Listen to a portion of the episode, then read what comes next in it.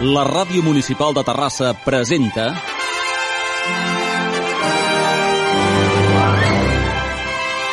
Teatre Radiofònic. Amb la companyia de radioteatre de la 95.2 Ràdio.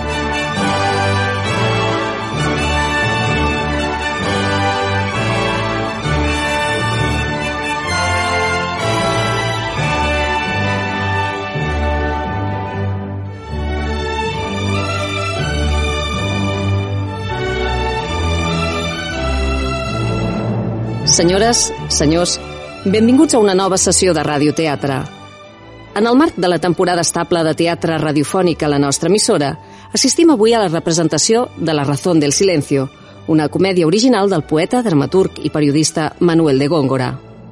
Manuel de Góngora i Ayustante neix el 1889 a Granada.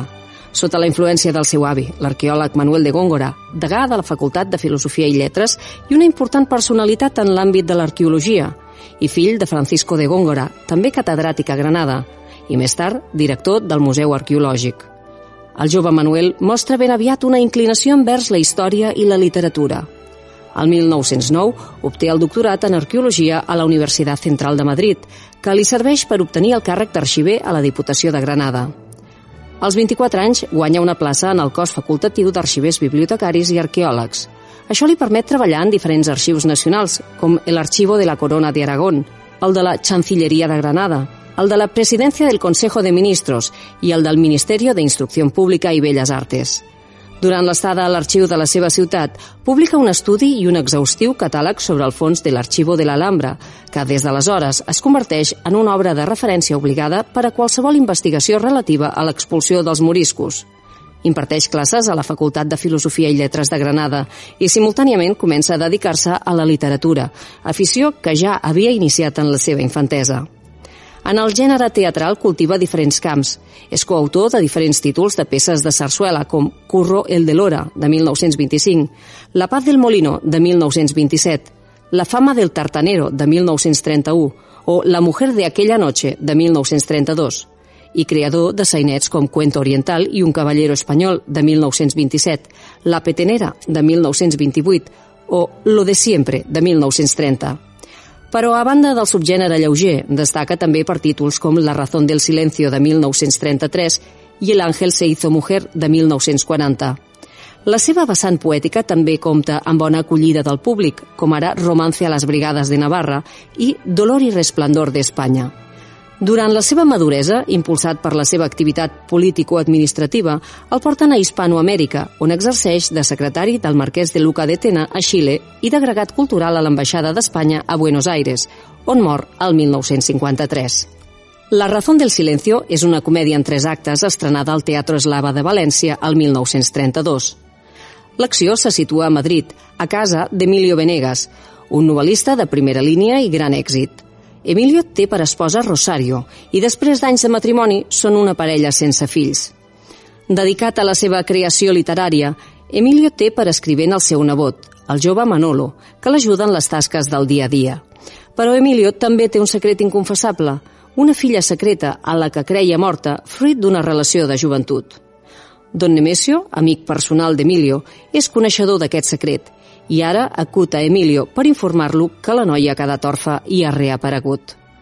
Davant d'aquesta situació, Emilio es veu amb l'obligació de mantenir oculta la veritat i acollir la jove Carmen incorporant-la com a escrivent i mecanògrafa a la vegada que li ofereix sostre i llar.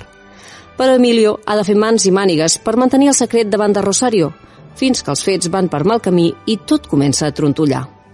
La versió radiofònica que avui posem en antena és un enregistrament del quadre de veus de radioteatre de l'any 2005 sota la direcció de Joan Garrigó i amb les veus de Maria Glòria Ferrés en Doña Rosario, Rosa Aguado com a Carmen, Dolors Trencs interpreta a Patro, Joana Palau en Casta, Ricard Pagès és Don Emilio, Ismael Major, Manolo, Francisco Domingo interpreta a Don Nemesio. I Joaquim Vidal és Ramon. La narració és de Cris Altuà, el muntatge musical de Nina Mataix i la realització tècnica de Joan Borràs. Esperem que gaudiu de l'audició d'avui. Aquí comença La razón del silencio, de Manuel de Góngora.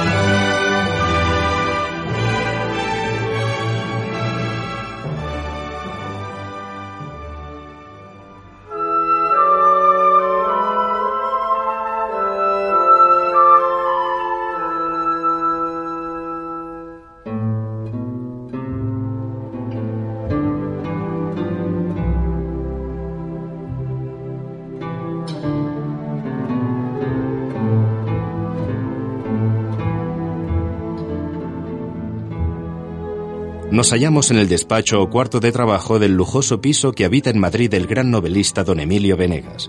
Es una estancia rica, severa y cómodamente amueblada.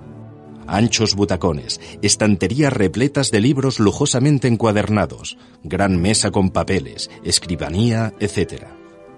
Todos los muebles y la disposición de los mismos ostentan un sello buen gusto, y ese ordenado encanto con que una solícita mano de mujer sabe rodear de comodidades al que trabaja. La acción transcurre a primeras horas matinales de un día de invierno. Casta doncella de los señores de Venegas se dedica en traje de faena a la de dar cera al piso. Ah, el que inventó esto de sacar brillo. Bueno, está el brillo para las uñas y para los zapatitos de charol. Y hasta pongo por cosa lustrosa y dislocante para la cabellera ondulada de un sin sombrerista con trinchera. Pero mira, que para los suelos. Ay, a mí ya me tienen a mí los suelecitos. Ramón, ¿qué llama con esas prisas? Pasan unos instantes y seguidamente entra Ramón, criado de la casa, con un sobre grande y abultado. El chico de la imprenta, que con la ración de pruebas del día, el señorito Manolo me encargó anoche que telefonara temprano que las trajeran a primera hora. ¡Corren prisa! y a propósito de pruebas, ¿por qué no haces tú la de quererme un poquito? Por si me sale mal. Ah, ahora con el divorcio, todo te arreglo. No me va lo laico. Cavernícola. Quítate de ahí, desahogado. ¿Y tu mujer? En la compra. Ah, ya me lo imaginaba. ¿Por qué? Porque con ella en casa no te atreves. Uy, es mucho jabalí, mi cocinera. Lo dices por los colmillos. Lo digo por todo. Mi madre, qué fiera. Y puede que sea casualidad. Pero cada vez que entro en la cocina y la barbilleo así para contentarla, queda la coincidencia de que se pone a dar filo a cuchillo grande. Y Angelito mío, cómo lo juega en el aire, que parece una malabarista. Ay, escalofrío me dan de recordarlo. Ah, pues entonces. Ah, por eso aprovecho para estos escarceos galantes. Los ratitos que sale para la compra. Ah, pues yo no soy malabarista. Pero voy mucho a los matches de boxeo. Con que huecando, que es gerundio. Pero oye. Y ya está bien de cháchara. Enchufa la eléctrica. Que esto de la calefacción por cuenta del casero es un timo. Y el señor Va a entrar aquí enseguida y ya sabes que le gusta tener el despacho bombeando cuando trabaja. Ay, qué aires tiene para el mandato. Ah, y tú me obedeces, ¿verdad, esclavo? Siempre. Yo soy un caballero español. Hmm. Y el señorito Manolo se ha levantado ya. Desayunándose, me lo he dejado. Viene enseguida. Pues yo lo mío. Salud, galán. Ay, adiós, varita de nardos. Más chulita es que una capa bordada. Tan recortadita, tan llenita, tan pimienta. Ay, lo malo es la malabarista. Que no, que no. Qué buenas están las cosas y yo no tengo tipo para un crimen pasional. Por la derecha aparece Manolo, un muchacho simpático y elegante, sobrino de los dueños de la casa, en la cual vive y desempeña el cargo de secretario de don Emilio. Listo el desayuno. ¿Y ahora? A trabajar que hay faena para largo. Bien. Ya veo que la estufa está a punto. ¿Trajeron las pruebas? Aquí las tiene. El sobre, señorito. ¿No se ha levantado todavía el tío? No, señorito. La señora sí, por supuesto. Pachasco. Esa tiene ya por lo menos un par de misas en el buche. Ramón. Perdone, señorito. Me he colado. Anda. Anda lo tuyo. ¿Manda algo más? No, nada. Ah, se me olvidaba. Acabarás de irte. ¿Qué es ello? El chico de la imprenta, que dijo que... Y ya sé, que corrían prisa las pruebas. Eso, bueno. Pero que no se mandaran, porque don Nemesio tiene que venir aquí esta mañana y él se la llevaría. Ah, bien, pues cuando llegue, que pase. Manolo abre el sobre, saca las pruebas y dispone pluma para las correcciones. Durante unos instantes guarda silencio, entregado a su tarea. Interrumpe el silencio doña Rosario, esposa de don Emilio, que viene de la calle tocada de velito, que al entrar se quita y dobla cuidadosamente. ¿Trabajando? Así me gusta. Salud, madrina. Se madruga, ¿eh? ¿Le llamas madrugar a las diez de la mañana? Vengo de misa. Ya, ya. Dos, ¿verdad? ¿Cómo lo sabes? Sí, no sé. Casualidad de haber acertado. Sí. Ya sé que lo mismo el tío que tú. Os burláis de mi deaterio. ¿No le llamáis así? Pero ya soy vieja para variar de costumbres, ¿no te parece? Por Dios, ¿vieja usted? ¿Vieja con ese cuerpo y ese cutis? ¿Y estas canas? Bah, una coquetería más. ¿Le llaman así ahora a los desengaños? Pues sí que tiene usted motivos para quejarse de la vida. No, no. Y que Dios me perdone. Un marido modelo, célebre por añadidura, y que la quiere con delirio. Posición que él se ha ganado a la fuerza de talento. Eh, y un sobrino como yo que, vamos, no me parece que estoy mal del todo. Y que encima la adora usted, como a la madre que no conoció. Gracias, hijo. Así me gusta. Que me llame hijo, hijo suyo. Usted para mí es algo más que mi madrina. Hijo. Hijo. Dios no ha querido dármelos. Otro favor más que debe usted agradecerle. Calla, blasfemo. Sí, ya sé que ese es el clavo de su vida. Amargura que acaso le ha nevado prematuramente esa cabeza tan guapa y tan requete bien plantada. Calla, bobo. No, no, no, no, bobo no. Hijo, iba usted a decir hijo. Mm, iba a decirlo, sí. Es la palabra que llena mi vida, por lo mismo que no ha llenado mis entrañas. La palabra suprema que hubiese hecho florecer en rosas el barro de mi carne. La levadura de mi pan y el agua para mi sed. Dios mismo que hubiera tomado de nuevo carne de hombre, de niño, para que desde el nacer le acunara yo en mi regazo. Todo, la vida entera hecha por siempre luz y perfume y cántico y... Hijo, mi corona de mujer y mi gala de esposa. Hijo. Es usted una santa madrina. No, no, no, no, no, al contrario. Más que de mis santidades debías hablar de mis envidias.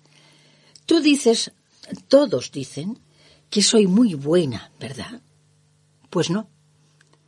Mis bondades, eh, estas pequeñas bondades de los que por limpieza, por buen gusto, ni aún sabemos ser malos, se paran y se anulan y hasta se visten de pecados cuando miro a una mujer que me lleve de ventaja para serlo ese resplandor sagrado de la maternidad. Sí, sí. Es la lavandera y la ayudanta y la mendiga. Todas son más que yo, todas valen más que yo, todas, fíjate bien, han podido eternizar en otra vida la vida del hombre que quieren. Y las miro, y las envidio y hasta... Dios me perdone. Parece que las odio.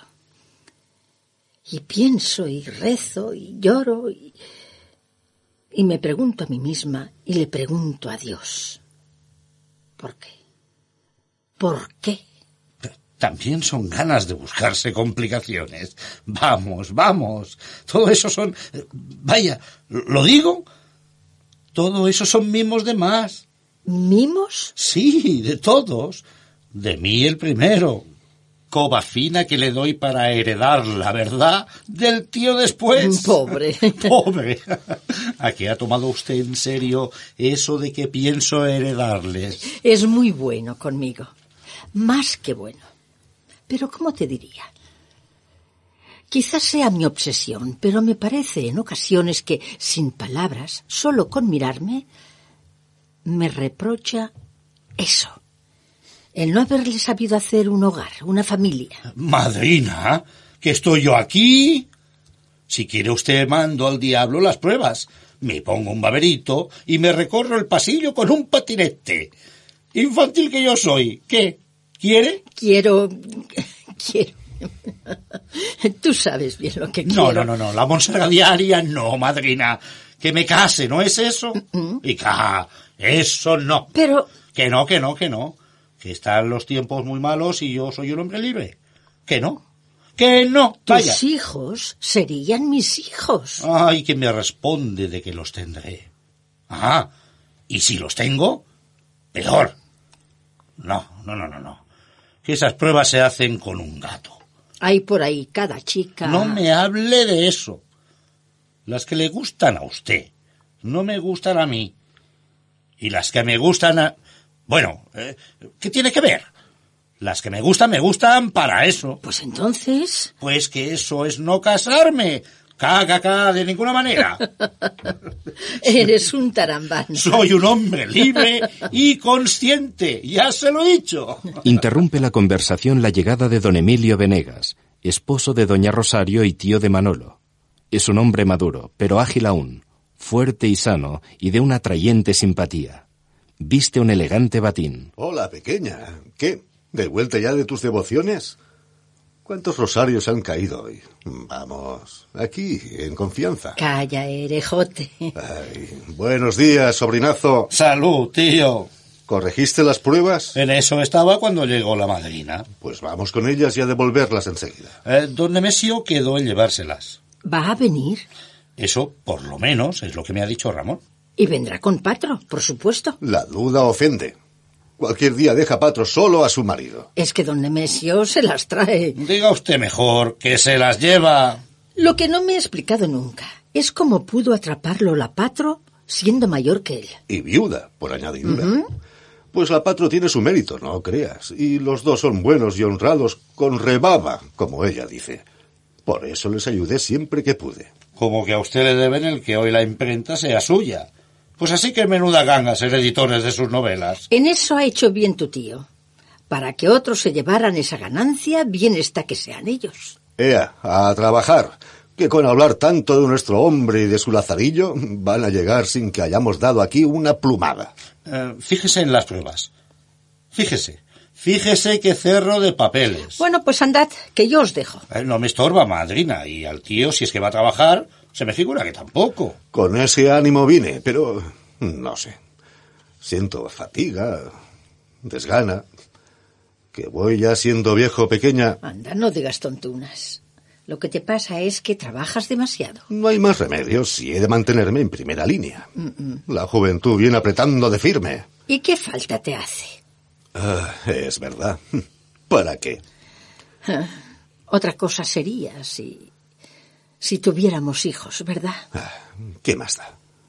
Ya ves, eh, que sé penetrar bien el origen de esa desgana tuya. ¿Quién piensa ya en tal cosa? No te bastó siempre con mi cariño. Eso le digo yo a cada paso. Hace un momento volvimos a las andadas. Ya, ya, ya os oí discutir. Pero, mujer, ¿cuándo vas a olvidarte de esas niñerías que, que te amargan la vida? Ibas a decir que nos amargan. Dilo, hombre, dilo. Ah, qué tontería. Ni... ¿Quién sabe siquiera cuál de los dos debe cargarse la culpa? Ese es mi consuelo. Sería terriblemente desdichada si al casarnos tú hubieras sido, por ejemplo, viudo y tuvieses un hijo. Pero como era más libre que el pájaro en la selva, los hijos, los hijos... Bah, unas horas felices pueden ser el presagio de una eterna desgracia. Y no hablemos más de ello, que estas conversaciones desembocan siempre en tristezas, y yo no quiero. Tú sabes que yo no quiero verte triste, ni aun en pensamiento. Además que bien dice el refrán, que al que Dios no le da hijos el demonio, le da sobrinos. Y aquí estoy yo. Usted a su trabajo, mocoso. Cuando tú entraste le hablaba muy seriamente.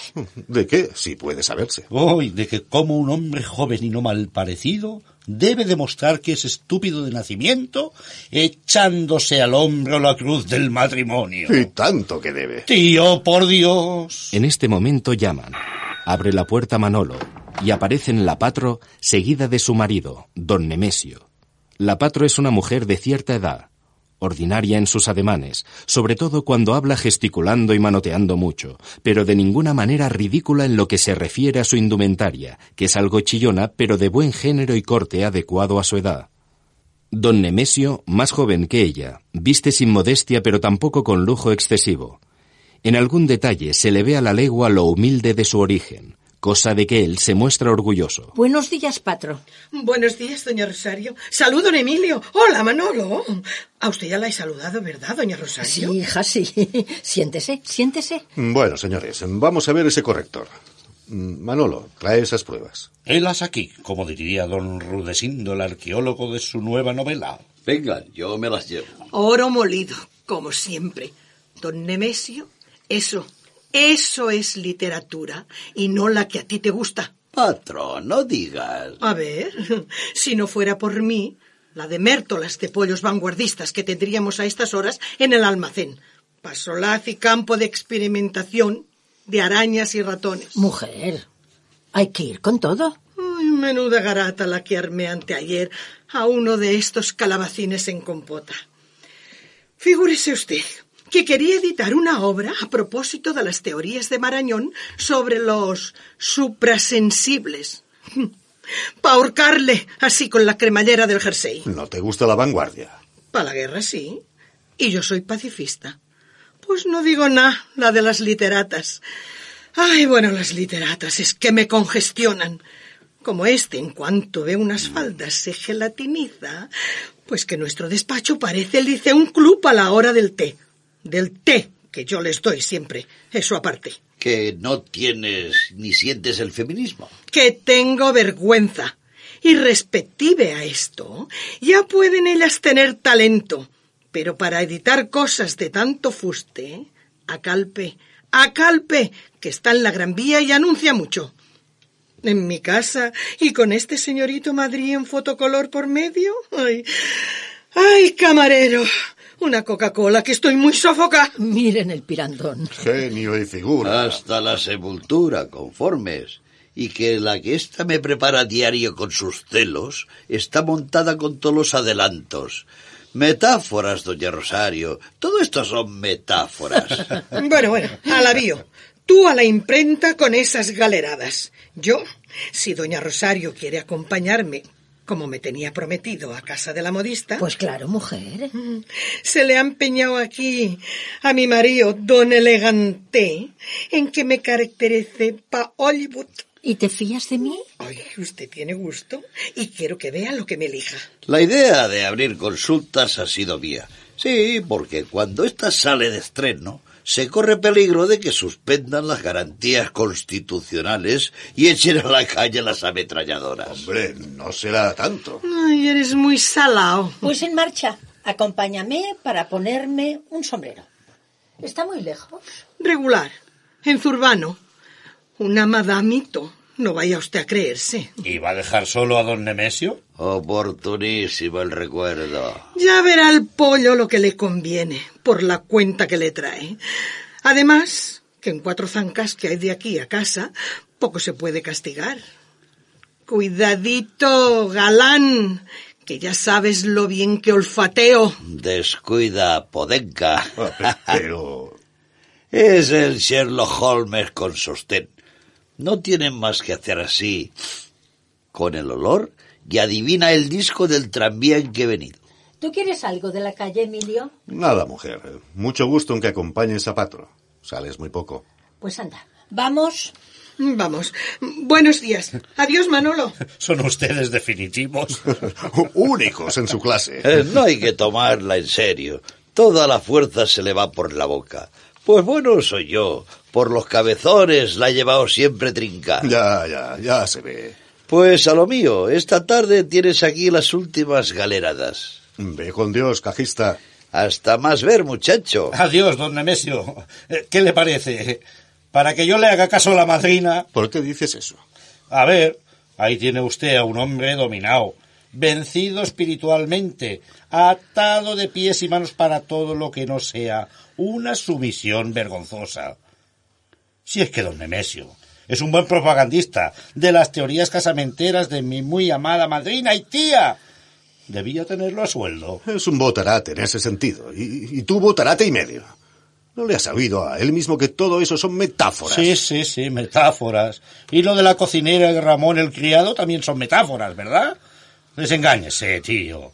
El matrimonio es una institución digna de la edad de piedra. ¿Y por qué no la del plomo? Porque hay que ver qué clase de posma eres, sobrino. Eh, y en el mejor de los casos, ¿qué pasa? Pues que se hace uno hipócrita y aprende a fingir. Y concluye por ser maestro de engaños y trapacerías. Pero, ¿qué es eso? ¿No me dice usted nada? Eh, mm, Perdona, ¿decías? Decía... Muchas simplezas. ¿Qué? ¿Trabajamos? Lo que usted quiera. ¿Mucho correo? Aún no lo he recogido. Creí que me iba usted a dictar novela. Sí, sí. Novela, es verdad. Nos quedamos en el momento en que Rafael María, desesperanzado ante las repulsas de Carmen, va a refugiarse en su cortijo de la sierra, sí. Sí, e- e- eso es. Estábamos en la escena de la tormenta. ¡Ah, ¡Formidable! ¡Qué emoción! ¡Qué verismo! Se oyen los truenos y hasta parece percibirse el olor de la tierra mojada. A ver, eh, léeme un par de cuartillas. Habrá que cortar un poco lo de la tormenta. ¿Qué dice usted? ¿Cortar la tormenta? Ah, primero consiento que me corten la mano. Ay, o si no, mm, déjalo. Dejémoslo. No estoy hoy de, de vena. Eh, Sí, sí. Dejémoslo. ¿Se, se siente enfermo? No, no, nada. Desgano solamente. No sé. Tra- trabaja demasiado. Ah, es preciso. Ah, Mi lema es el del clásico. Hay años en que no está uno para nada. Por un día siquiera. Usted es de los míos. Pero en fin, vamos aparte. Si no vamos a trabajar ahora, voy por el correo y lo despacho en mi cuarto. Así, le dejo a usted a sus anchas. Ve donde quieras. Eh, di a Ramón que me traiga los periódicos. Haz el favor. Hasta luego. Manolo se marcha. Don Emilio queda solo. Se levanta y va hacia el balcón. Permanece unos instantes con la mirada distraída y el alma ausente. Aparece Ramón, el criado, que trae los periódicos. Los diarios, señor. Bien, déjalos ahí. Ramón se marcha. Don Emilio coge un periódico y lee. A los pocos momentos lo deja caer. Va hacia el butacón del atril. Se sienta. Toma un libro y en vano trata de distraerse. De pronto empieza a susurrar para sí mismo. Ay, es inútil. Lleva razón Rosario. Sin hijos, ah, ¿para qué trabajar? Sí. Ella. Ella es quien lleva razón. ¿Para qué trabajar? Se vive y se trabaja para, para crear vidas. Y, y todas mis creaciones caben en una hoja de papel que puedo arrugar y rasgar con, con solo una crispación distraída de mi mano. Pobres hijos de mi cerebro. Qué mezquinos, qué pobres. Los engendra la frialdad calculadora de mis sesos y, y no la alegría candentemente humana y gozosa de mi carne. Nacen ya plenos y maduros, con pasiones y con inteligencia y, y rompen a hablar en cuanto se asoman a la cuartilla con palabras que se piensan y se miden y se repulen o se tachan cuando conviene. Su vida de antes no se ve. Hay que contarla siempre. No son niños nunca. El hijo de la carne, no. El hijo de la carne es mudo al nacer. Balbucea luego y, y perfecciona en años de graciosa torpeza este in- instrumento divino de la palabra. Y los errores son risas y las tachaduras se hacen con besos y, y crece y crece. Y aunque domine los mares y se remonte sobre las estrellas, es siempre para el padre aquella pavesita rosada hecha de indefensión y de temblores que en solo un segundo le hizo comprender el sentido verdadero y hondo de lo que era hasta entonces duda y tiniebla. Lleva razón Rosario. Sin hijos, ¿para qué trabajar? Lleva razón. ¿Para qué trabajar? Don Emilio queda en silencio. De pronto entra don Nemesio trémulo, dando señales de gran agitación. Se dirige a don Emilio con voz temblorosa y apagada. Emilio. ¿Tú otra vez? Pero, ¿qué es esto? ¿Te sucede algo? Ah, no, nada. No sé. eh, La sorpresa de sentirte entrar tan a lo misterioso cuando no te esperaba. Es que ahora vengo solo. No hay nadie, ¿verdad? ¿No, ¿no han vuelto? Eh, ¿Estás solo? ¿A qué vienen estos misterios? ¿Qué pasa? Nada, nada, nada. No, no sucede nada. Eh, Es decir, que como suceder, pues sí, Emilio, sucede algo terrible. Lo que ni tú ni yo hubiéramos nunca sospechado. La catástrofe de las catástrofes. Rosario, le ha ocurrido algo a mi mujer. Habla que te detiene. Nada, nada, nada de Rosario. ¿Tu mujer quizás? ¿Alguna desgracia? Hombre, por Dios, que esto no sería una desgracia. No, no me hago ilusiones.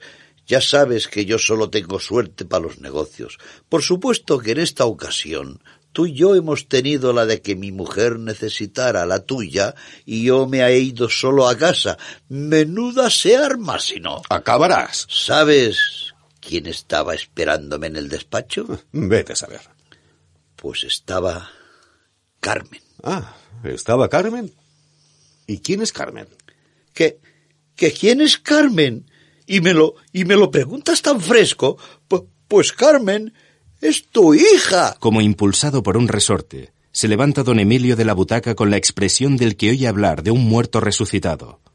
Es el hombre que ha vivido 18 años de un recuerdo, de una sombra que creyó esfumada para siempre y la ve aparecer como cosa viva y tangible. Tembloroso, febril, la voz insegura, martilleantes las sienes y los ojos fuera de sus órbitas, sacude a don Nemesio como para convencerse de que no sueña y le habla atropelladamente, mezclando las risas con las lágrimas. ¿Mi hija? ¿Mi hija? ¿Dices que mi hija? ¿Pero tú estás loco o yo sueño? Mi hija. Mi hija, mi hija.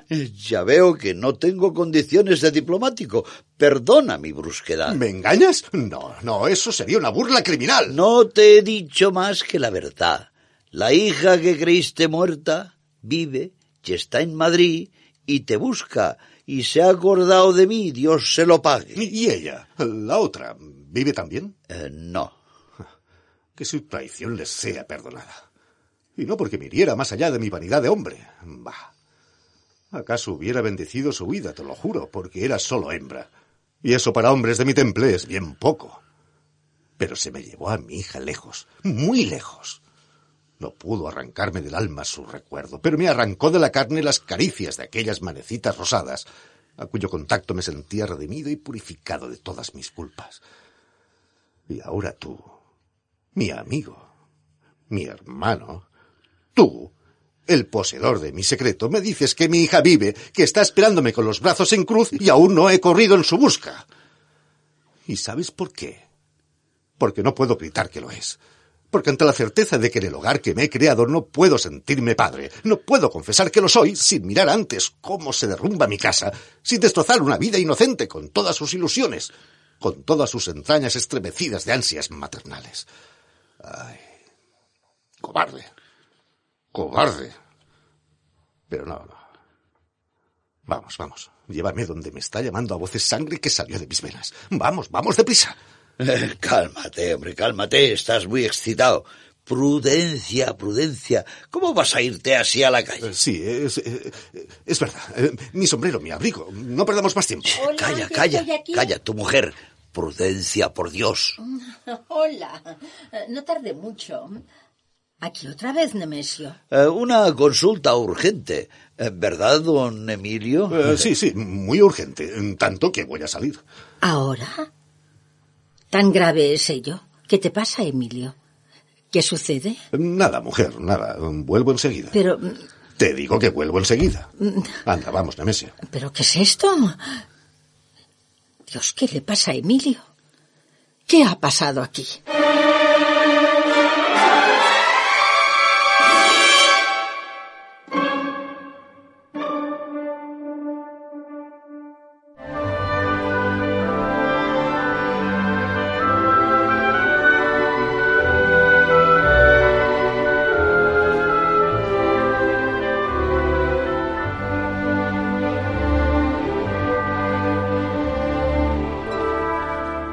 Han transcurrido cinco meses.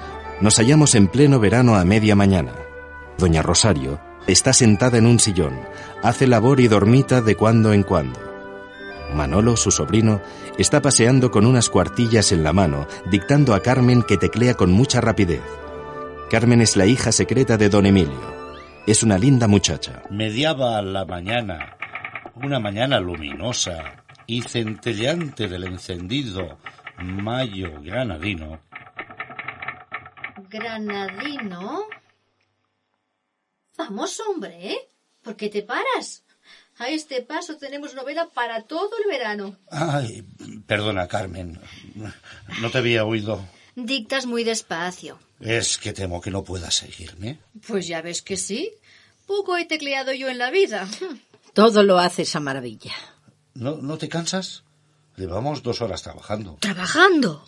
Esto es gloria bendita. Será lo que quieras. Pero la que se cansa soy yo. Es mucho tiquití, tiquití. Y entre el sonsonete de la máquina y los paseítos de Manolo y el calor que hoy hace, me está entrando una soña herrera que cuando venga tu tío me va a encontrar en el séptimo cielo. Aquí se sentirá usted en el único que hay. ¿No quieres tú, Carmen? Ay, qué galante está el dictador. Dice verdad, Manolo. Pero si me duermo, luego me lo echa en cara el novelista.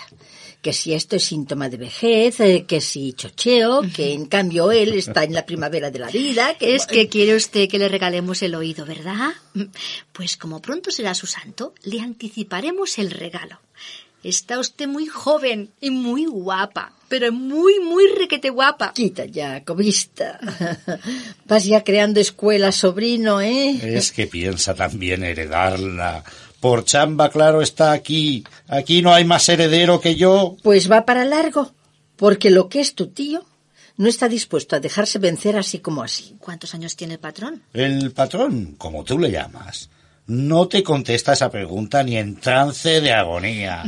Poco que presume. ¿Por qué puede? Ah, eso sí que es verdad, ¿eh? En América, donde yo he vivido casi toda mi vida, y donde es tan grande el prestigio del patrón y tan populares sus novelas, tenía yo muchas amigas enamoradas de él por los retratos que publicaban los periódicos. Uno vi muchas veces en que estaba formidable. Gran chambergo, capa española. La diestra enguantada de gris en el Mm, embozo. Formidable, le digo. Era un Rembrandt. El que manda siempre que le piden su vera efigie. Ni un mes llevábamos de casados cuando se lo hizo. Hola, con el castigador. Es truco viejo, hijita. ¿Qué no hará un artista para hacerse la ilusión de que despierta en su público femenino pasiones volcánicas? ¿Un Rembrandt, dices? Pudo, pudo su señoría brindar con él en una cervecería de Amberes. Y si no, sé sincera. ¿A qué al conocerlo tú en carne y hueso se te ha derrumbado el ídolo? Cuando se quiere y se admira de veras a una persona, no hay desencanto posible. Y yo quería y admiraba al patrón como algo mío. Mi padre, compañero y amigo suyo de infancia, ya lo saben ustedes, me hablaba mucho de él, ponderándome su valía personal. No hablemos ya de su arte. Cuando ahora al conocerle he logrado verme admitida a su servicio, y ha sido tan generoso que hasta me ha brindado su propio hogar a mi orfandad, desconcertada y sin brújula, a la muerte de mi madre, allá en tierras de América. Ay, me parecía que no era la primera vez que oía su voz y, cobraba fe en el porvenir, bajo la protección de su mirada. Me parecía como si, a, la vuelta de un viaje muy largo, reanudara con él una conversación interrumpida. Pues nunca oí yo hablar a Emilio de tu padre. Ni yo. Y me extraña, porque el tío es un hombre que rinde idolatría a la amistad. Que, que lo diga don Nemesio. No sé, no me lo explico.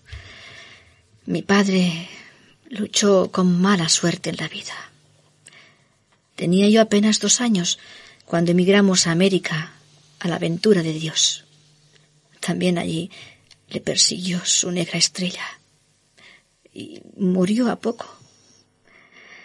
Ay, La noche y el día para mi madre y para mí. He trabajado mucho. He llorado más. Dios me lo tome en cuenta.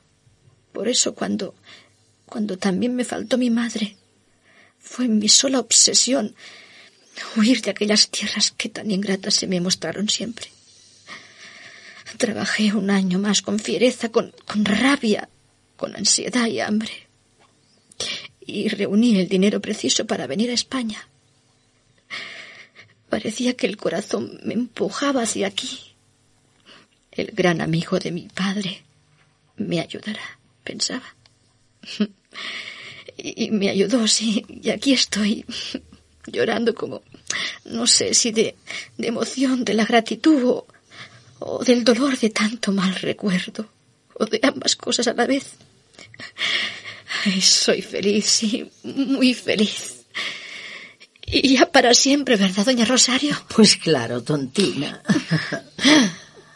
¿A qué vienen esas lagrimitas? Qué corazón más grande. Para siempre.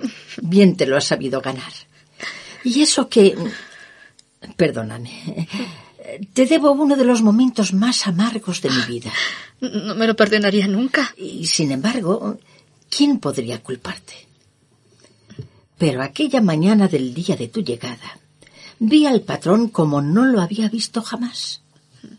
¿Ves que han pasado ya cinco meses? Pues aún no he sabido explicarme lo que pasó por mí. No sé, pero por un momento, nada más que un momento, sentí que aquella vida tan mía siempre, tan confiada y tan noble, me esquivaba y hasta desconfiaba de mí. ¿Mm? Mucho debió querer a tu padre cuando tu solo anuncio le pudo perturbar con una emoción como aquella. Oye, Manolo, eh, que mucho se tarda tu tío, ¿no? No, llevaba una lista de cosas imposible de despachar en cinco minutos. Como hacía tanto tiempo que no viajábamos y de pronto le ha entrado la idea de este veraneo, todo le parece un mundo. Que si las compras, que si el sastre, que si el kilométrico. A que si- eso ha ido esta mañana. ¿Pudo al fin arreglarse lo de lo de que Carmen entrara en él? Ah, Creo que sí. Y bien que lo siento. Figurar yo como sobrina del patrón. De doncella de usted hubiera ido también muy a gusto y sin tantas complicaciones. Quita ya, muchacha. Las cosas bien o no hacerlas. Ya que por vivir tú aquí y haberme tenido yo que trasladar con armas y bagajes a una pensión, me has usurpado con mi domicilio mis auténticos fueros de individuo de la familia. Y como consecuencia de lo cual, mi señor prometido tendrá que pagarse su billetito por derecho. Una gracia. y aumentada con la que tenerme que quedar aquí unos días más. Ah, pero no vienes con nosotros. No, no. Ha de dejar listo el original de la última novela. Le ha entrado ahora al tío una fiebre de trabajo. Por su gusto, sería capaz de publicar cada mes un nuevo volumen. Como él ha sido siempre tan respetuoso con lo estatuido, ha tomado en serio eso de la República de Trabajadores. ¿Sí? Mm, Pues nos las vamos a ganar, ¿eh? Cuando llegue y vea que tenemos empantanada la tarea y que quedan aún unas cuantas cuartillas, ¿eh? Bueno, que no tenga la culpa mi conversación. Os dejo. A mí más un sonete arrullador de la máquina de escribir para dormir, no. Ah, y cuidadito. No vayamos a que eso del arduo trabajo se quede en cháchara. Que no tenga que arrepentirme de mi comprensión. Váyase tranquila, doña. Rosario. Con que eh, quedamos Eh, quedamos... eh, Yo que sé en qué quedamos. Ni tú tampoco. Poco por caso en que eres... Eres la mujer más bonita del mundo. ¿Eres feliz? Y tú me lo preguntas. Feliz, feliz. Qué palabra tan pobre para expresar todo lo que se me desborda del alma. Desarbolada y, y triste, anduve a bandazos por la vida. Y cuando el vendaval era más recio, se me abrió la serenidad de un puerto en bonanza. Nunca me quiso nadie. Y qué fuentes vivas de amor y ternura cantaban en secreto bajo la peña de mi desamparo. Jamás tuve nada. Y en un instante, la suerte, Dios, me lo ofrece todo. Familia, hogar, pan honrado, casa, en que hasta los criados me quieren y me miman. Soy dichosa y pienso mil veces que, que esto no puede ser, que esto es demasiado para mí, que no me lo merezco. ¿Por qué no has de merecértelo? Nosotros sí que somos tus deudores de felicidad. Yo, más que ninguno. El patrón, como tú dices, el patrón mismo, para quien en estos últimos tiempos el trabajo parecía ya una obligación y una carga, es otro. Jamás le vi con tanto brillo ni con tanta ilusión. Y es que todo a tu alrededor se ha florecido de tu juventud y de tu encanto, de ese no sé qué de tu mirada de seda y de tu voz de terciopelo, de ese hechizo que hay en tu inquietud graciosa y en tu, en tu noble serenidad, en tu gesto y en tu modo, en toda tú. ¿Lloras? Déjame que llore, porque este llanto nuevo en mí es también otra expresión de mi felicidad. Ay, anda, anda, ya, que, que nos las vamos a ganar buena por estarnos aquí sin trabajar. Venga. Se puede. Tú verás, rico. Ya, ya veo que sea pa' bien como yo. De todo corazón se los deseo a los señoritos. ¿Pasa algo, Ramón? Anunciar una visita. Una visita. Y por lo visto, de cumplido. Don Nemesio. Pero, pero hombre, qué botaratada. ¿De cuándo acá se anuncia don Nemesio en esta casa? ¡Qué bromista! Es que dice que, como viene solo, le conviene tomar sus precauciones. ¿Contra qué? Contra su esposa. Pongo por caso. No fuera haberle tomado las vueltas y se topara aquí con ella de manos a boca. es gracioso. Anda, anda, dile que pase. Y que viene como para darle el ticket. En fin, hasta Pichi, el perro, se ha quedado con una pata en alto y sin ladrarle. Don Nemesio. Adelante, hombre de Dios. Vía libre. Hola, buen mozo. Dios te bendiga, nena. Hola, don Nemesio. ¿Me permite la prenda más bonita le ofrezca estas flores? Ah, agradecida, don Nemesio. Son preciosas. Pero, pero ¿a qué santo? Al de hoy, que es San Gustomío, amén de unos bomboncitos. También. Qué despilfarrador. Fondantes, les dicen. Lo mejor de lo bueno. Bien, pero... Pero, ¿pero qué? Si no basta con que hoy sea San Gustomío. Vaya que sobre el que todos los días del año se celebre San Mérito tuyo. ¿Me explico? Bueno, bueno, vamos a cuentas. Usted, que no se ha gastado en su vida una perra gorda para obsequiar a su mujer. Comparaciones sacrílegas. ¿Es que le ha tocado la lotería? ¿O es que se ha vuelto loco? O, peor, que empieza usted a practicar el comunismo repartiendo a sus caudales? Porque si no, la verdad... Ni lotería, ni muchales, ni extrema izquierda. Sí, don Nemesio. Manolo lleva razón. Es demasiado.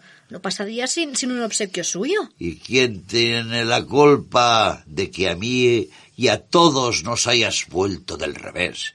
¿Quién puede remediar que a tu paso vayas derramando gracia y simpatía y a uno le parezca todo poco para agasajarte? Por Dios, no es para tanto. Que no dice. Hasta ha avanzado a mi cocinera. Ya no te zurra. Ey, eso, esa parte. Ah. Pero cuando habla con la señorita, lo hace con un agrado y una buena cara, es decir, lo de buena cara, según y cómo, en sentido figurado. A ver si me explico. Porque aquella fisonomía no la hace buena nadie. Ay, van ustedes a conseguir entre todos que me lo crea. Anda, anda, Ramón, a tus obligaciones. La de servir a usted. ¿Y yo te sirvo, Carmen? Don Nemesio. En este momento entra la patro, la esposa de don Nemesio, sorprendiendo a su marido con el ramo de flores que está ofreciendo a Carmen. Carmen, no las aceptes que está comprometido. Ay, usted por aquí, doña Patro. Eh, sí, no, no falla. Con el basto es con lo que yo voy a fallarte. De modo que al almacén de papel y luego al banco. No estás tú mal pie pal de mi paciencia. Verás, mujer. Carmen, dentro de cinco minutos, como en Shanghái. Ya, ya. Esquinazos a mí. Ay, cobrador, haga el favor que me mareo. Digo. Y con flores a porfía. Dámelas. Toma, Carmen. Ya me lo ha dicho al entrar el portero. Estás tú muy botánico, Nemesio. Ya se lo he reprendido, pero es que es tan amable. Mucho, hija. Y como tú le das cuerda, por supuesto que ya sabía yo dónde encontrarte. En casa hablaremos, Nemesio. Tengo el gusto de anunciar a su señoría una interpelación para la que no se admite guillotina. ¿Quién la pillara? Para cortarme la cabeza, ¿no, sanguinario? Pero han visto ustedes qué original es en los calambures. Yo es que me troncho. A perra gorda, a la entrada se hinchaban ustedes. Ahora para las verbenas. Se estudiará el dictamen, pollita. Oiga usted, patro. Déjala, hombre, si me divierte mucho. Ay, que siempre haya de encontraros lo mismo. No sabía que estuvieras aquí. Es la estatua del comendador que se filtra por las paredes. Para invitarte a un supertango que ya verás, Tenorio. Entra don Emilio. Viene de la calle cargado de encargos y paquetes. Se admite un invitado más. Tanto bueno por mi casa. ¿Venís a almorzar? Este tiene ahora un pellizco aquí en la garganta que no iba a dejarle probar bocado. Bien, ¿y qué? ¿Cuándo es la marcha? Eso, eso. Precisamente es por lo que motivaba mi visita. Pero como no dejas meter baza. Mañana. Yo he hecho ya todo lo que necesitaba. De ti depende lo demás, Rosario. Ordenar el equipaje. Cuestión de nada. Por mí ahora mismo. Gracias, mujer. Tengo ya un ansia de verme frente al mar. Yo también. Pero más por ti que por mí. Te hace falta una temporadita de descanso. ¿Descanso, dices? Lleva razón. Estos últimos meses has, has apretado de firme y ya no eres un muchacho que sale a ganar la pelea. Ahora me siento más joven que nunca. Y más animoso y más fuerte. Descansar. No, no, al contrario. Pero si precisamente para trabajar más en serio y más seguido es por lo que he imaginado este viaje. Verás, verás qué novela. Ya está en mi cabeza. Estoy contento, familia. Estoy contento. Así se habla. ¿Y el editor? ¿Martínez? Y Serrano. Pues qué otro puede ser. Edición de lujo, ¿eh? Nada de munición. Hay que ganar dinero. ¿En qué falta hace? De sobra tenemos para que tú no tengas que exprimirte más el cerebro. Ahora es más sencillo y más noble. Me estrujo el corazón y basta. Sí, editor, sí, familia. Hay que ganar dinero, mucho dinero. Ah, eh, y al regreso tenemos que preparar una edición de mis obras completas. A todo meter. Hay que ganar dinero, mucho dinero. A lo mejor pensáis que esto es eh, el último resplandor de la lámpara, pronta a extinguirse, ¿verdad? Pues no, pequeña. Me queda un aceite para largo. ¿Qué? ¿Habéis trabajado mucho? Sí, tío, hemos trabajado. Con auxiliares así, pocas ediciones de lujo, va a preparar Martínez y Serrano. Regáñale, regáñale. No sabe más que... Que mirarse en tus ojos, ¿verdad? Te alabo el gusto, sobrino. Perdonado. ¿Lo ves, patro? Hasta don Emilio. Y buen par de polarizados estáis los dos. Qué podredumbre de género masculino. Bueno, nosotros nos vamos, que ya es tarde. Hasta mañana en la estación, ¿eh? Eh, salgo con ustedes. ¿No te quedas a almorzar? A ver si quien tiene que regañarte es tu novia. Hoy me ha hecho mi hostelera una comida dedicada y no quiero despreciársela. También necesito recoger unos papeles y cambiarme de ropa. Hasta luego. Como quieras. ¿Vendrás pronto? Si me das un copazo de coñac. Y café. Yo no te digo que un cigarro porque se está cayendo de su peso. No. Pues hasta ahora. ¿Vamos? Vamos. Marchan todos menos don Emilio y Carmen. Doña Rosario sale también acompañando a la Patrio y don Nemesio. Don Emilio va hacia la puerta, donde ha salido para cerciorarse de que están completamente solos. Va después hacia Carmen y acariciándole los cabellos, le dice Tenemos que hablar seriamente, Pitusa. ¿Seriamente? ¿Pasa algo? Puede pasar. Y aunque no pasara, mi conciencia me reprocha este engaño. Es preferible afrontar la situación claramente. ¿Qué vas a hacer? Llamar a Rosario, arrodillarme ante ella si es preciso. Confesar la verdad, lo que sea.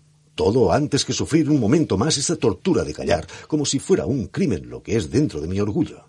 Un grito de triunfo, resplandor de aurora, a la suave que me remonta y no martirio y pesadumbre que me hunda.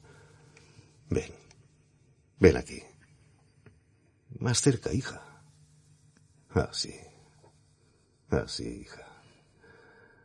Tanto como a mis solas He pronunciado la dulce palabra. Y ahora que puedo gritarla, que debo gritarla. He de decirla entre dientes, ocultándome con engaños, disimulando. No, no puedo seguir la farsa. No puedo, no puedo. Ay, mi padrecito egoísta. Y qué débiles sois los hombres, madre de Dios. ¿Egoísta dices? Mm, Y cobarde además para saber sufrir. El silencio es mi sola cobardía. Pero es también lo que cimienta la felicidad, la tranquilidad de tu casa.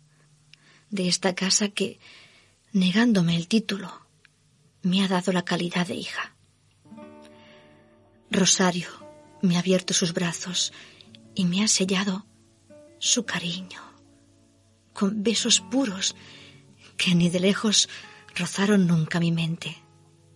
Todos los besos que llevaba dentro de su corazón ambicioso, noblemente ambicioso y sediento de maternidad. Habla, Padre, habla y verás como en un momento se derrumba a plomo todo tu hogar, que ya es a mi modo el mío. Porque, por no engañar ahora, declararás que engañaste siempre. Soy mujer, he sufrido mucho y sé más que tú de estos achaques de sentimiento. Entre vosotros, marido y mujer, flota hecho duda, hecho aún quizás esperanza remota, ese hijo que ella no supo darte. Hasta puede pensar, acaso, que es ella la que debe perdonarte a ti, el que no se lo dieras. Pues habla, habla. Dile, tengo una hija, y la habrás empequeñecido para siempre a sus propios ojos. Tu verdad de padre será su definitiva humillación de mujer. De mujer, entiéndelo así. Y esto, esto sí que es difícil de perdonar, te lo aseguro. Esa debe ser la razón de tu silencio. Pero tú no puedes ser feliz de esta manera. Lo soy, te lo juro. Como no lo ha sido nadie en la tierra. Como no es posible que nadie pueda volver a serlo. Si hasta he hallado en tu casa el amor de un hombre para mis sueños de mujer. Soy feliz, padre. Mira, inventa una palabra para que exprese a la vez alegría y orgullo, gratitud y ternura. Una palabra hecha de agua y de luz, lágrima y risa, de bien conseguido y de miedo a perder ese mismo bien. Una palabra que pueda, a un tiempo, gritarse como un sollozo o derritirse en un suspiro. Clávamela como un lucero en la frente y creeré, aunque no dice nada para expresar esta felicidad, que yo no sé si merezco, pero que recibo y acepto así. Bendita seas, hija. Bendígame y hágame feliz tu silencio. ¿Qué hacer entonces? Callar, callar siempre. Galeotes de una misma galera, con la mano asida al mismo áspero remo, que separados ante los demás y que fundidos el uno al otro en el ansia de un mismo esfuerzo, para ti de deber y de piedad, para mí de gratitud hacia quien, sin ser mi madre, tanto me ha dado y con tanta ternura. Callar, callar siempre. Si yo tengo de sobra con saber que nadie puede arrancar de mis venas la sangre que tú vertiste en ellas. Es mi padre, es mi padre, me digo a solas, y diciéndolo así, bajito, solo para mí, solo para mi corazón. Las palabras tienen temblor de rezo y van a ti purificadas por el sacrificio de mi silencio. Estoy tan hecha a pronunciarlas de ese modo. Pero antes las rezaba desde lejos, sí, con pena siempre, muchas veces con hambre y hasta con golpes. Un colegio frío, cosas que mi inocencia de niña no comprendía. Malas caras después, en casa, cuando ya no hubo para pagar el colegio. Y aquel hombre que maltrataba a mi, a mi madre y que, y que me maltrataba a mí. Calla, calla. Va, va, sí. ¿Quién se acuerda ya de eso? Mira, si tendré que dar gracias a Dios ahora que puedo decir aquello mismo. Es mi padre, es mi padre, con alegría, bajo el techo donde...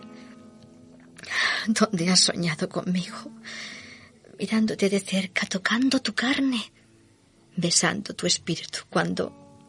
cuando beso esta frente bajo la que en tantos años supiste sepultar tantos pensamientos para mí. Así, hija, así.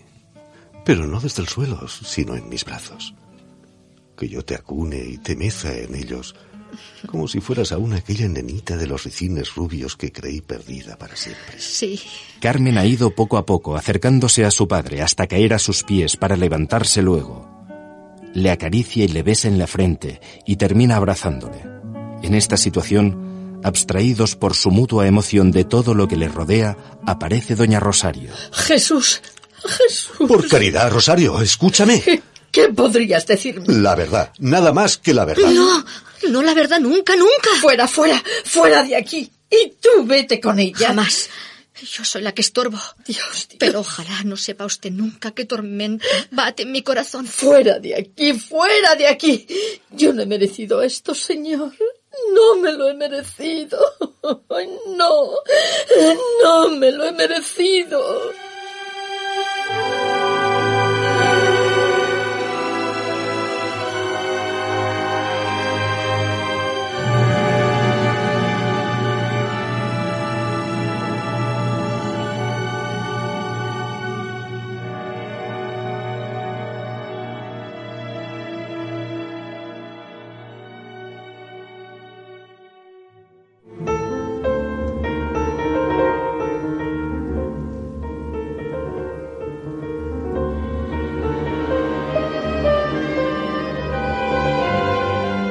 Es por la mañana, el día siguiente en que doña Rosario sorprendió a Carmen abrazada a don Emilio. Don Emilio está sentado en su mesa del despacho, escribe en silencio. De pronto se levanta, arroja la pluma y rompe nerviosamente lo que escribía. No, no es esto tampoco. Pero ¿qué hacer? Calma, calma. Hay que pensar en frío. Que la hoguera arda y me consuma, pero solo por dentro. Señor, con permiso del señor. Sí, adelante. Pase usted. ¿Qué quiere? Aunque la orden de que no recibe es terminante, me he permitido... Bien, bien. ¿Quién es? Don Nemesio. Que pase enseguida. Para él no hay órdenes que valgan. Debió usted comprenderlo así. Así se lo he dicho, señor. Pero ha sido él mismo quien se, se ha empeñado en que le anunciara. Por si el señor estaba descansando, me dijo. Hágale pasar. Bien, señor. Luego, cuando venga también el señorito Manolo, no vaya usted a cometer la impertinencia de hacerle esperar en el hall. Ya me hago cargo. Descansar. Descansar. Ah, bendito sea Dios. Emilio, válgame. Pasó lo que tenía que pasar. No me hagas reproches, no me culpes de nada. Llevarías razón, y yo no quiero que aquí haya más razón que la mía. La mía, y la de ella, por supuesto. Nadie, nadie podría comprenderla ni comprenderme. Yo mismo. ¿Tú dices? Yo lo sé todo y lo sé por la misma Carmen. ¿Cómo? ¿La has visto? ¿Dónde? ¿Cuándo? Habla, habla. Si no estás dispuesto a oírme con serenidad, me callo, tomo la puerta y ya sabré yo lo que tengo que hacer. Vamos, hombre. Hay que saber ser eso. Hombre. Pero, ¿cómo has sabido? No pongas a prueba mi paciencia. Verás, anoche ya muy tarde. Por eso no me atreví a venir enseguida. Recibí una carta suya diciéndome que estaba en el Hotel Florida y que deseaba hablarme en el acto, que le era imprescindible el que fuera así. Figúrate mi extrañeza. Eh, es decir, mi extrañeza no, esto ya me lo tenía yo tragado. Mil veces te lo he dicho, como en una pantalla vi reproducida la escena. Y es que te empeñaste en tomar la situación en romántico. Oh, como una novela, hija reaparecida, secreto, va, casi estaba por decirte que te está bien empleado. Acabarás. Pues sí que estoy yo para sermones. A mí con la razón se me lacra. Me callo. No, no, sigue. ¿Fuiste al hotel? Y de ahí vengo, sí. Cuéntame, ¿qué te ha dicho? ¿Qué piensa? Tú que tienes im- imaginación de artista, reproduce la escena a tu gusto y te quedarás corto, palabra. Lágrimas y nada más que lágrimas, eso sí. Hija mía. Pero no llora por ella. Qué grande que es Carmen. Llora por ti, por la situación que te ha creado, porque para ella has jugado a caro cruz la felicidad de tu hogar, el cariño de tu mujer, la paz de tu casa, y lo has perdido todo. Maldita sea. Llora por Rosario, que derrota su vida en un momento, porque si no habla malo, y si confiesa la verdad, peor. Peor, sí, sí, dice ella, porque la tranquilidad de tu mujer sería al mismo tiempo la desdicha de la esposa, de la madre frustrada. ¿Comprendes? Entonces, ¿para qué te ha llamado? ¿Qué quería? ¿Qué pretendía? Desahogarse, calculo yo. Eh, pedirme consejo. Ya ves, consejo a mí. Que te viera, que te hablara, que la perdonaras. Qué grande que es. Eh, un poquito majareta sí, pero qué grande que es. Te habrá dicho que yo quise hablar, decir, confesar toda la verdad en el acto. Lo natural, señor. Pero ella no desmiente la casta y al cabo, hija tuya. Bueno, la cuestión es que se empeña en que antes es tu felicidad que la suya y que esto se acabó y que se vuelve a América y qué sé yo, pamplinas para los Ah, canarios. calla, calla. Todo se aclarará. Eh, todo se resolverá. Yo tengo la culpa, pues yo buscaré el remedio. Pero hombre de Dios, ¿a quién se le ocurre soltar el grifo en estas expansiones en tu propia casa? Ser tan valiente eh, para luego ser tan cobarde. Mi mujer le llama a esto paradojas. Yo, que no soy tan culto como ella, les llamo estupideces. Y perdóname. Ensáñate, ensáñate conmigo. Ni me ensaño ni te enseño. Ya esto también le da un nombre la patro. Unamunadas. Pero tires por donde tires, pa'l puente de Segovia o pa'l de las ventas, el remate venimos a parar al mismo sitio. Que has cometido, que habéis cometido muchas imprudencias, que esto ha sido jugar con fuego. ¿Cómo se conoce que has sido siempre un hombre puro y que no has tenido nunca una doncellita guapa que te haya cantado el ven y ven? Aprende de mí, que soy un hacha en esto de cogerle las vueltas a mi mujer. No sé cómo tengo paciencia para escuchar con calma tanta Mi tontería. intención... Ya, ya. Ella te salva. Anda, ve a verla. Tranquilízala. Que espere, que no llore, por Dios. Que todo se arreglará. Anda, anda, te lo suplico. Pero, pero tú... Yo eh, iré luego, cuando haya pensado y resuelto lo que ha de hacerse. Ya veremos, ya veremos. Anda, corre, no pierdas más tiempo que acongojarme. Pero irás... Iré, te lo juro. Pues hasta ahora, como la patro me pille en esta película, las bofetas van a irse en Hollywood. Don Nemesio sale precipitadamente. Pasan unos instantes y llega Manolo. La actitud, su gesto, denotan claramente su tempestad interna. Se queda en la puerta, inmóvil, mudo, disimulando con aparente serenidad su sentimiento, que es de repugnancia y hostilidad. ¿No entras? ¿No te sientas? ¿No hablas? Para hablar he venido, ya lo he hecho con la madrina. Ya tengo la explicación de lo inexplicable. Ya sé lo que tenía que saber. Para hablar vine, sí, pero yo soy hombre leal. Y al ver a usted frente a frente, la mía se humilla como si quisiera buscar tierra donde hundirse, y las palabras que me hieren dentro no aciertan a brotar de mis labios. ¿No será también que les pone mordaza el respeto? Porque supongo, quiero suponer, que sabrás respetarme. Y supone usted bien. El respeto que me debo a mí mismo salvaguarda y afianza el que quiera emplear con usted. El que usted mismo ha pisoteado cuando estaba más alto. Y yo era solo eso. Respeto, sino cariño, gratitud, veneración. Yo no sé.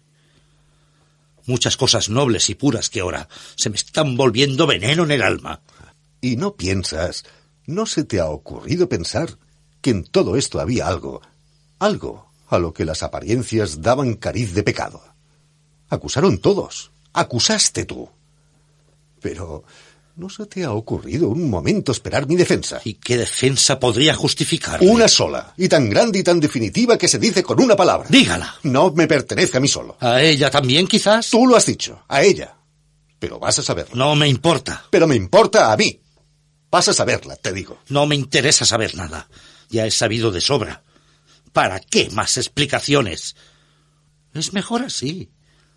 Olvido. Perdonar no. Eso no. Yo no tengo madera de santo. Pero olvido sí que he de procurarlo. Para usted. Para usted solo. Porque para ella, para la aventurera, para la... No, calla, calla. Eso no, eso sí que no. Basta ya. Mis manos se crispan sobre tus labios y borran la palabra. Te he dejado hablar porque quería ver a qué límite llegaba tu sinrazón y tu locura y tu falta de fe. Ya he visto lo que es capaz de encerrar tu alma. Pero qué nido de gusanos es tu corazón que así me juzgas. ¿De qué barro estás hecho? ¿Y eres tú el que hablaba de hombría? Y no contra mí, contra ella, contra ella, la más pura de todas las mujeres. Pero tú sabes lo que has pensado y lo que has dicho. Pues oye la verdad. Pero no, no. Ahora es cuando mi silencio te va a servir de castigo. Que sea ella misma quien te la diga. Corre a buscarla. Pregúntale. Humíllate. Hunde tu cara en ese mismo cieno con que has querido salpicarla. Y cuando sea ella la que te haya perdonado, entonces sí que estarás en camino de poder empezar a ser hombre. Tío. No, no hables. Y obedéceme. Corre en su busca. Pero háblale con la frente baja, con los ojos y el corazón llenos de vergüenza y de remordimiento. Ni un minuto más. Ni un minuto más. Soy un malvado, un imbécil. Aventurera. Esa palabra ha sido el puñal que desgarró la venda de mis ojos. Ni un momento más, ni un momento más. Rosario, Rosario. ¿Y ahora qué quieres? No me rechaces, Rosario. Yo, que al tender mis brazos he hecho siempre de ellos caminos de mi corazón, te digo que puedes estar aquí con más limpieza, con más honradez que nunca.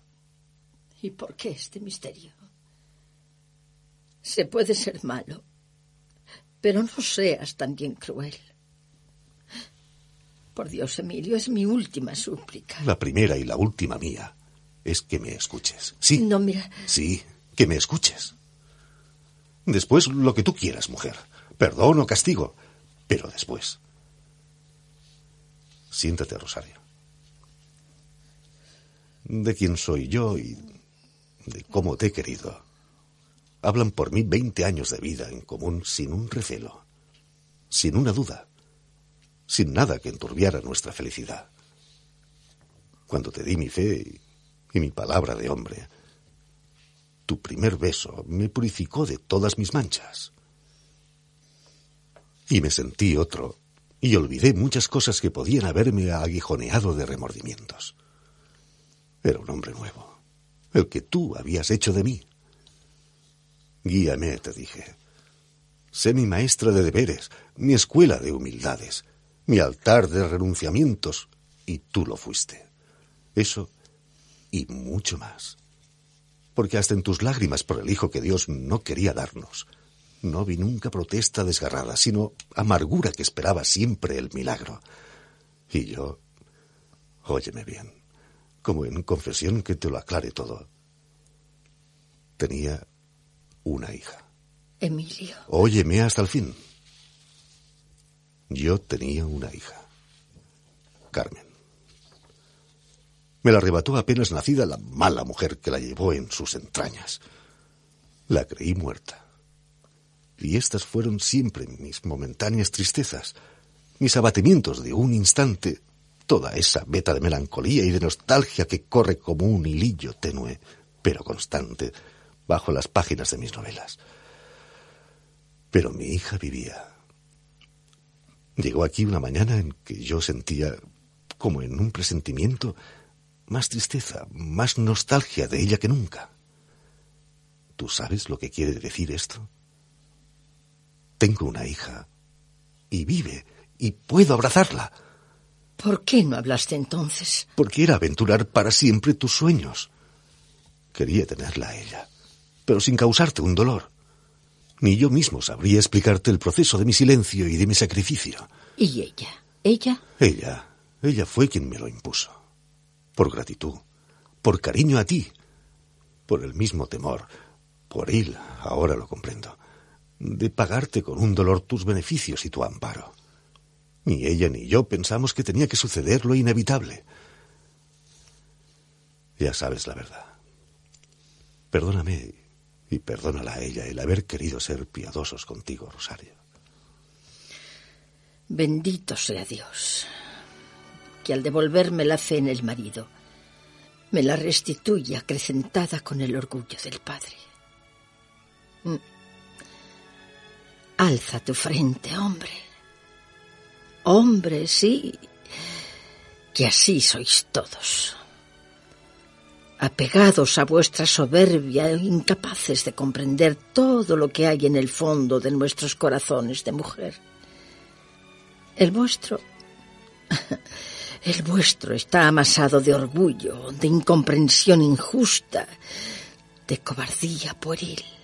Sí, sí, de cobardía. Porque trocáis los términos y sois valerosos cuando debíais ser cobardes y cobardes cuando tenéis que afrontar una de estas situaciones de que depende una vida o muchas vidas. Así es vuestro corazón. El nuestro, en cambio, está hecho hasta en sus mismos arrebatos de pasión, de renunciamiento, que no se acaba nunca, de sacrificio que encuentra leves los más duros obstáculos, porque si no servimos para madres, servimos para hermanas. Ya ves, tomamos lo, lo que nos dais, lealtad o engaño, agua clara o fango turbio, y lo tomamos sin mirar, como hacéis vosotros. Lo tomamos sin mirar de dónde venís ni a dónde vais.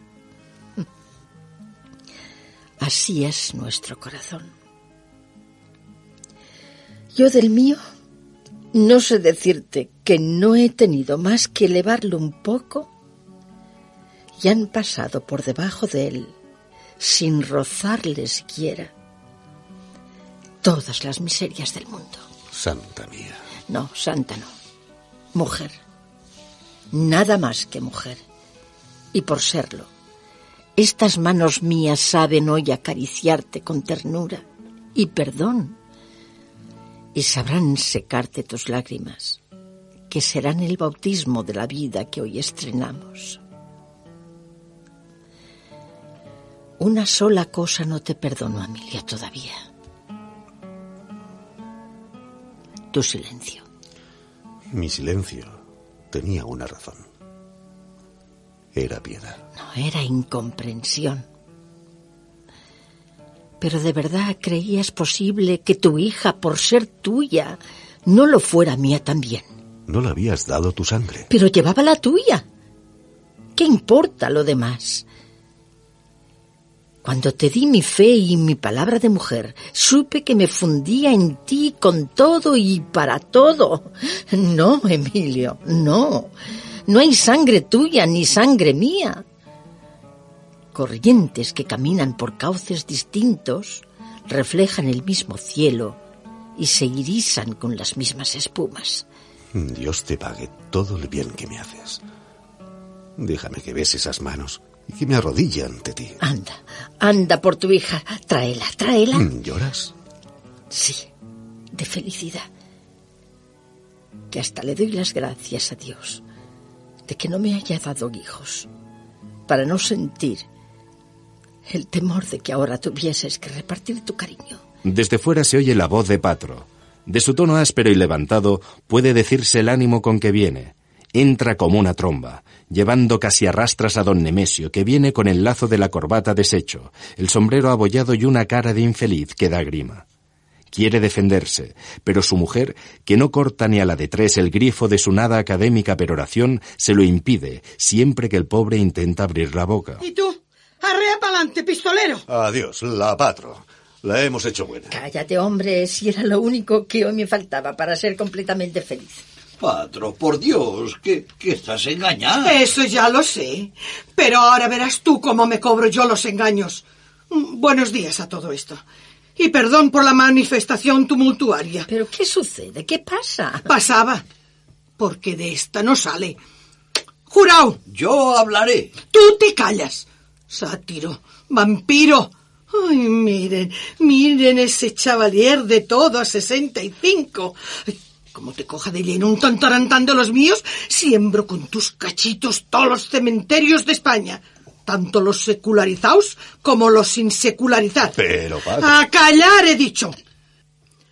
Una dama, La dama es ella. No, no, para que no haya equivocaciones. una dama que estando fuera de casa el berzotas de su marido, el berzotas es este, encuentra una carta de mujer dirigida al susodicho, perfumada y todo, y que dice así, me he ido de casa de mis padres. A saber quién será. Estoy en el Hotel X. Urgentísimo que nos veamos. ¿Eh? Mm, ¿Qué tal? Un rapto en todas las de la regla. Corrupción de menores, nada más. ¿Y qué más? Sí, mujer, que es muy divertido. Mm, Ahora, ahora, ahora es cuando viene lo jocoso. Coger la prueba de la tora, coger un taxi y coger la giratoria del hotel mencionado, punto de la cita, han sido tres cosas distintas y un solo disparo verdadero. Hmm, Pues nada, que apenas pongo pie en el tío vivo encristalado del hotel, al que no nombro para no hacerle un reclamo de guagua, me corta el paso el portero. Otro tío alto, gordo y engalonado que va y me dice en francés, pa mayor claridad. Va la madame. Mira tú que en francés. Que si sí, que si no. Que si monsieur, que vous cherchez, n'est pas ici. Que no, que sí. Que vuela a trompé.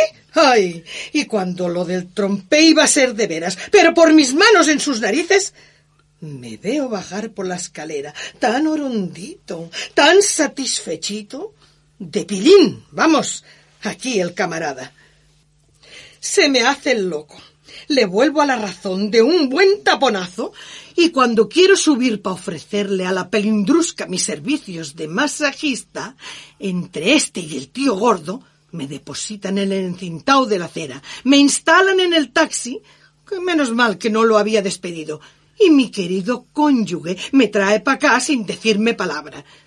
Me figuro que pa' que vean ustedes las bofetás que voy a abrocharle y tener testigos para el divorcio por malos tratos. Digo yo. ¿Acabaste ya? De hablar sí.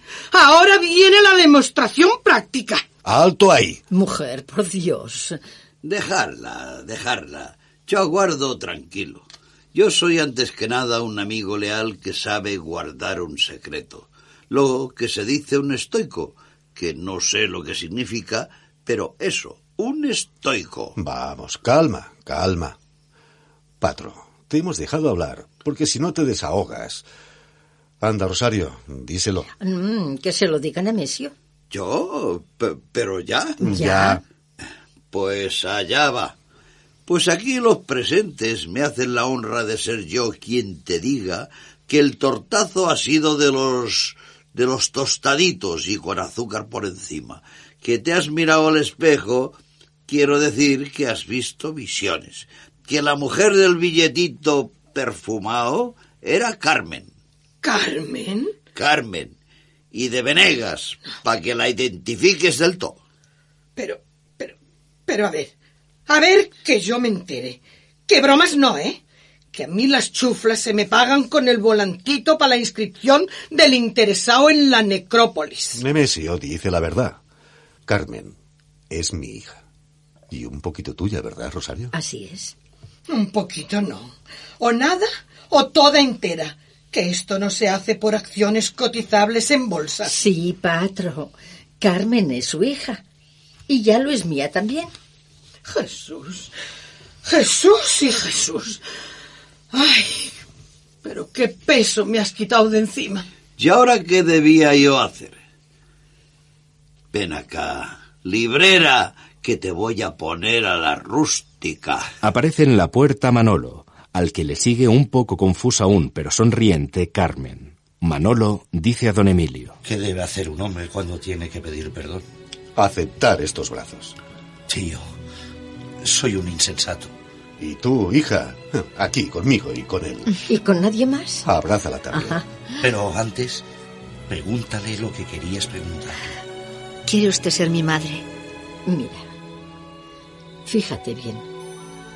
A ver si lees bien en mis lágrimas. La respuesta. Así, hija mía. Que van a ablandarme entre dos. ¡Vivan los novios! Esto vale la pena de que me concedas una semanita de asueto, ¿no, gitanaza? Lo que tú quieras, chato.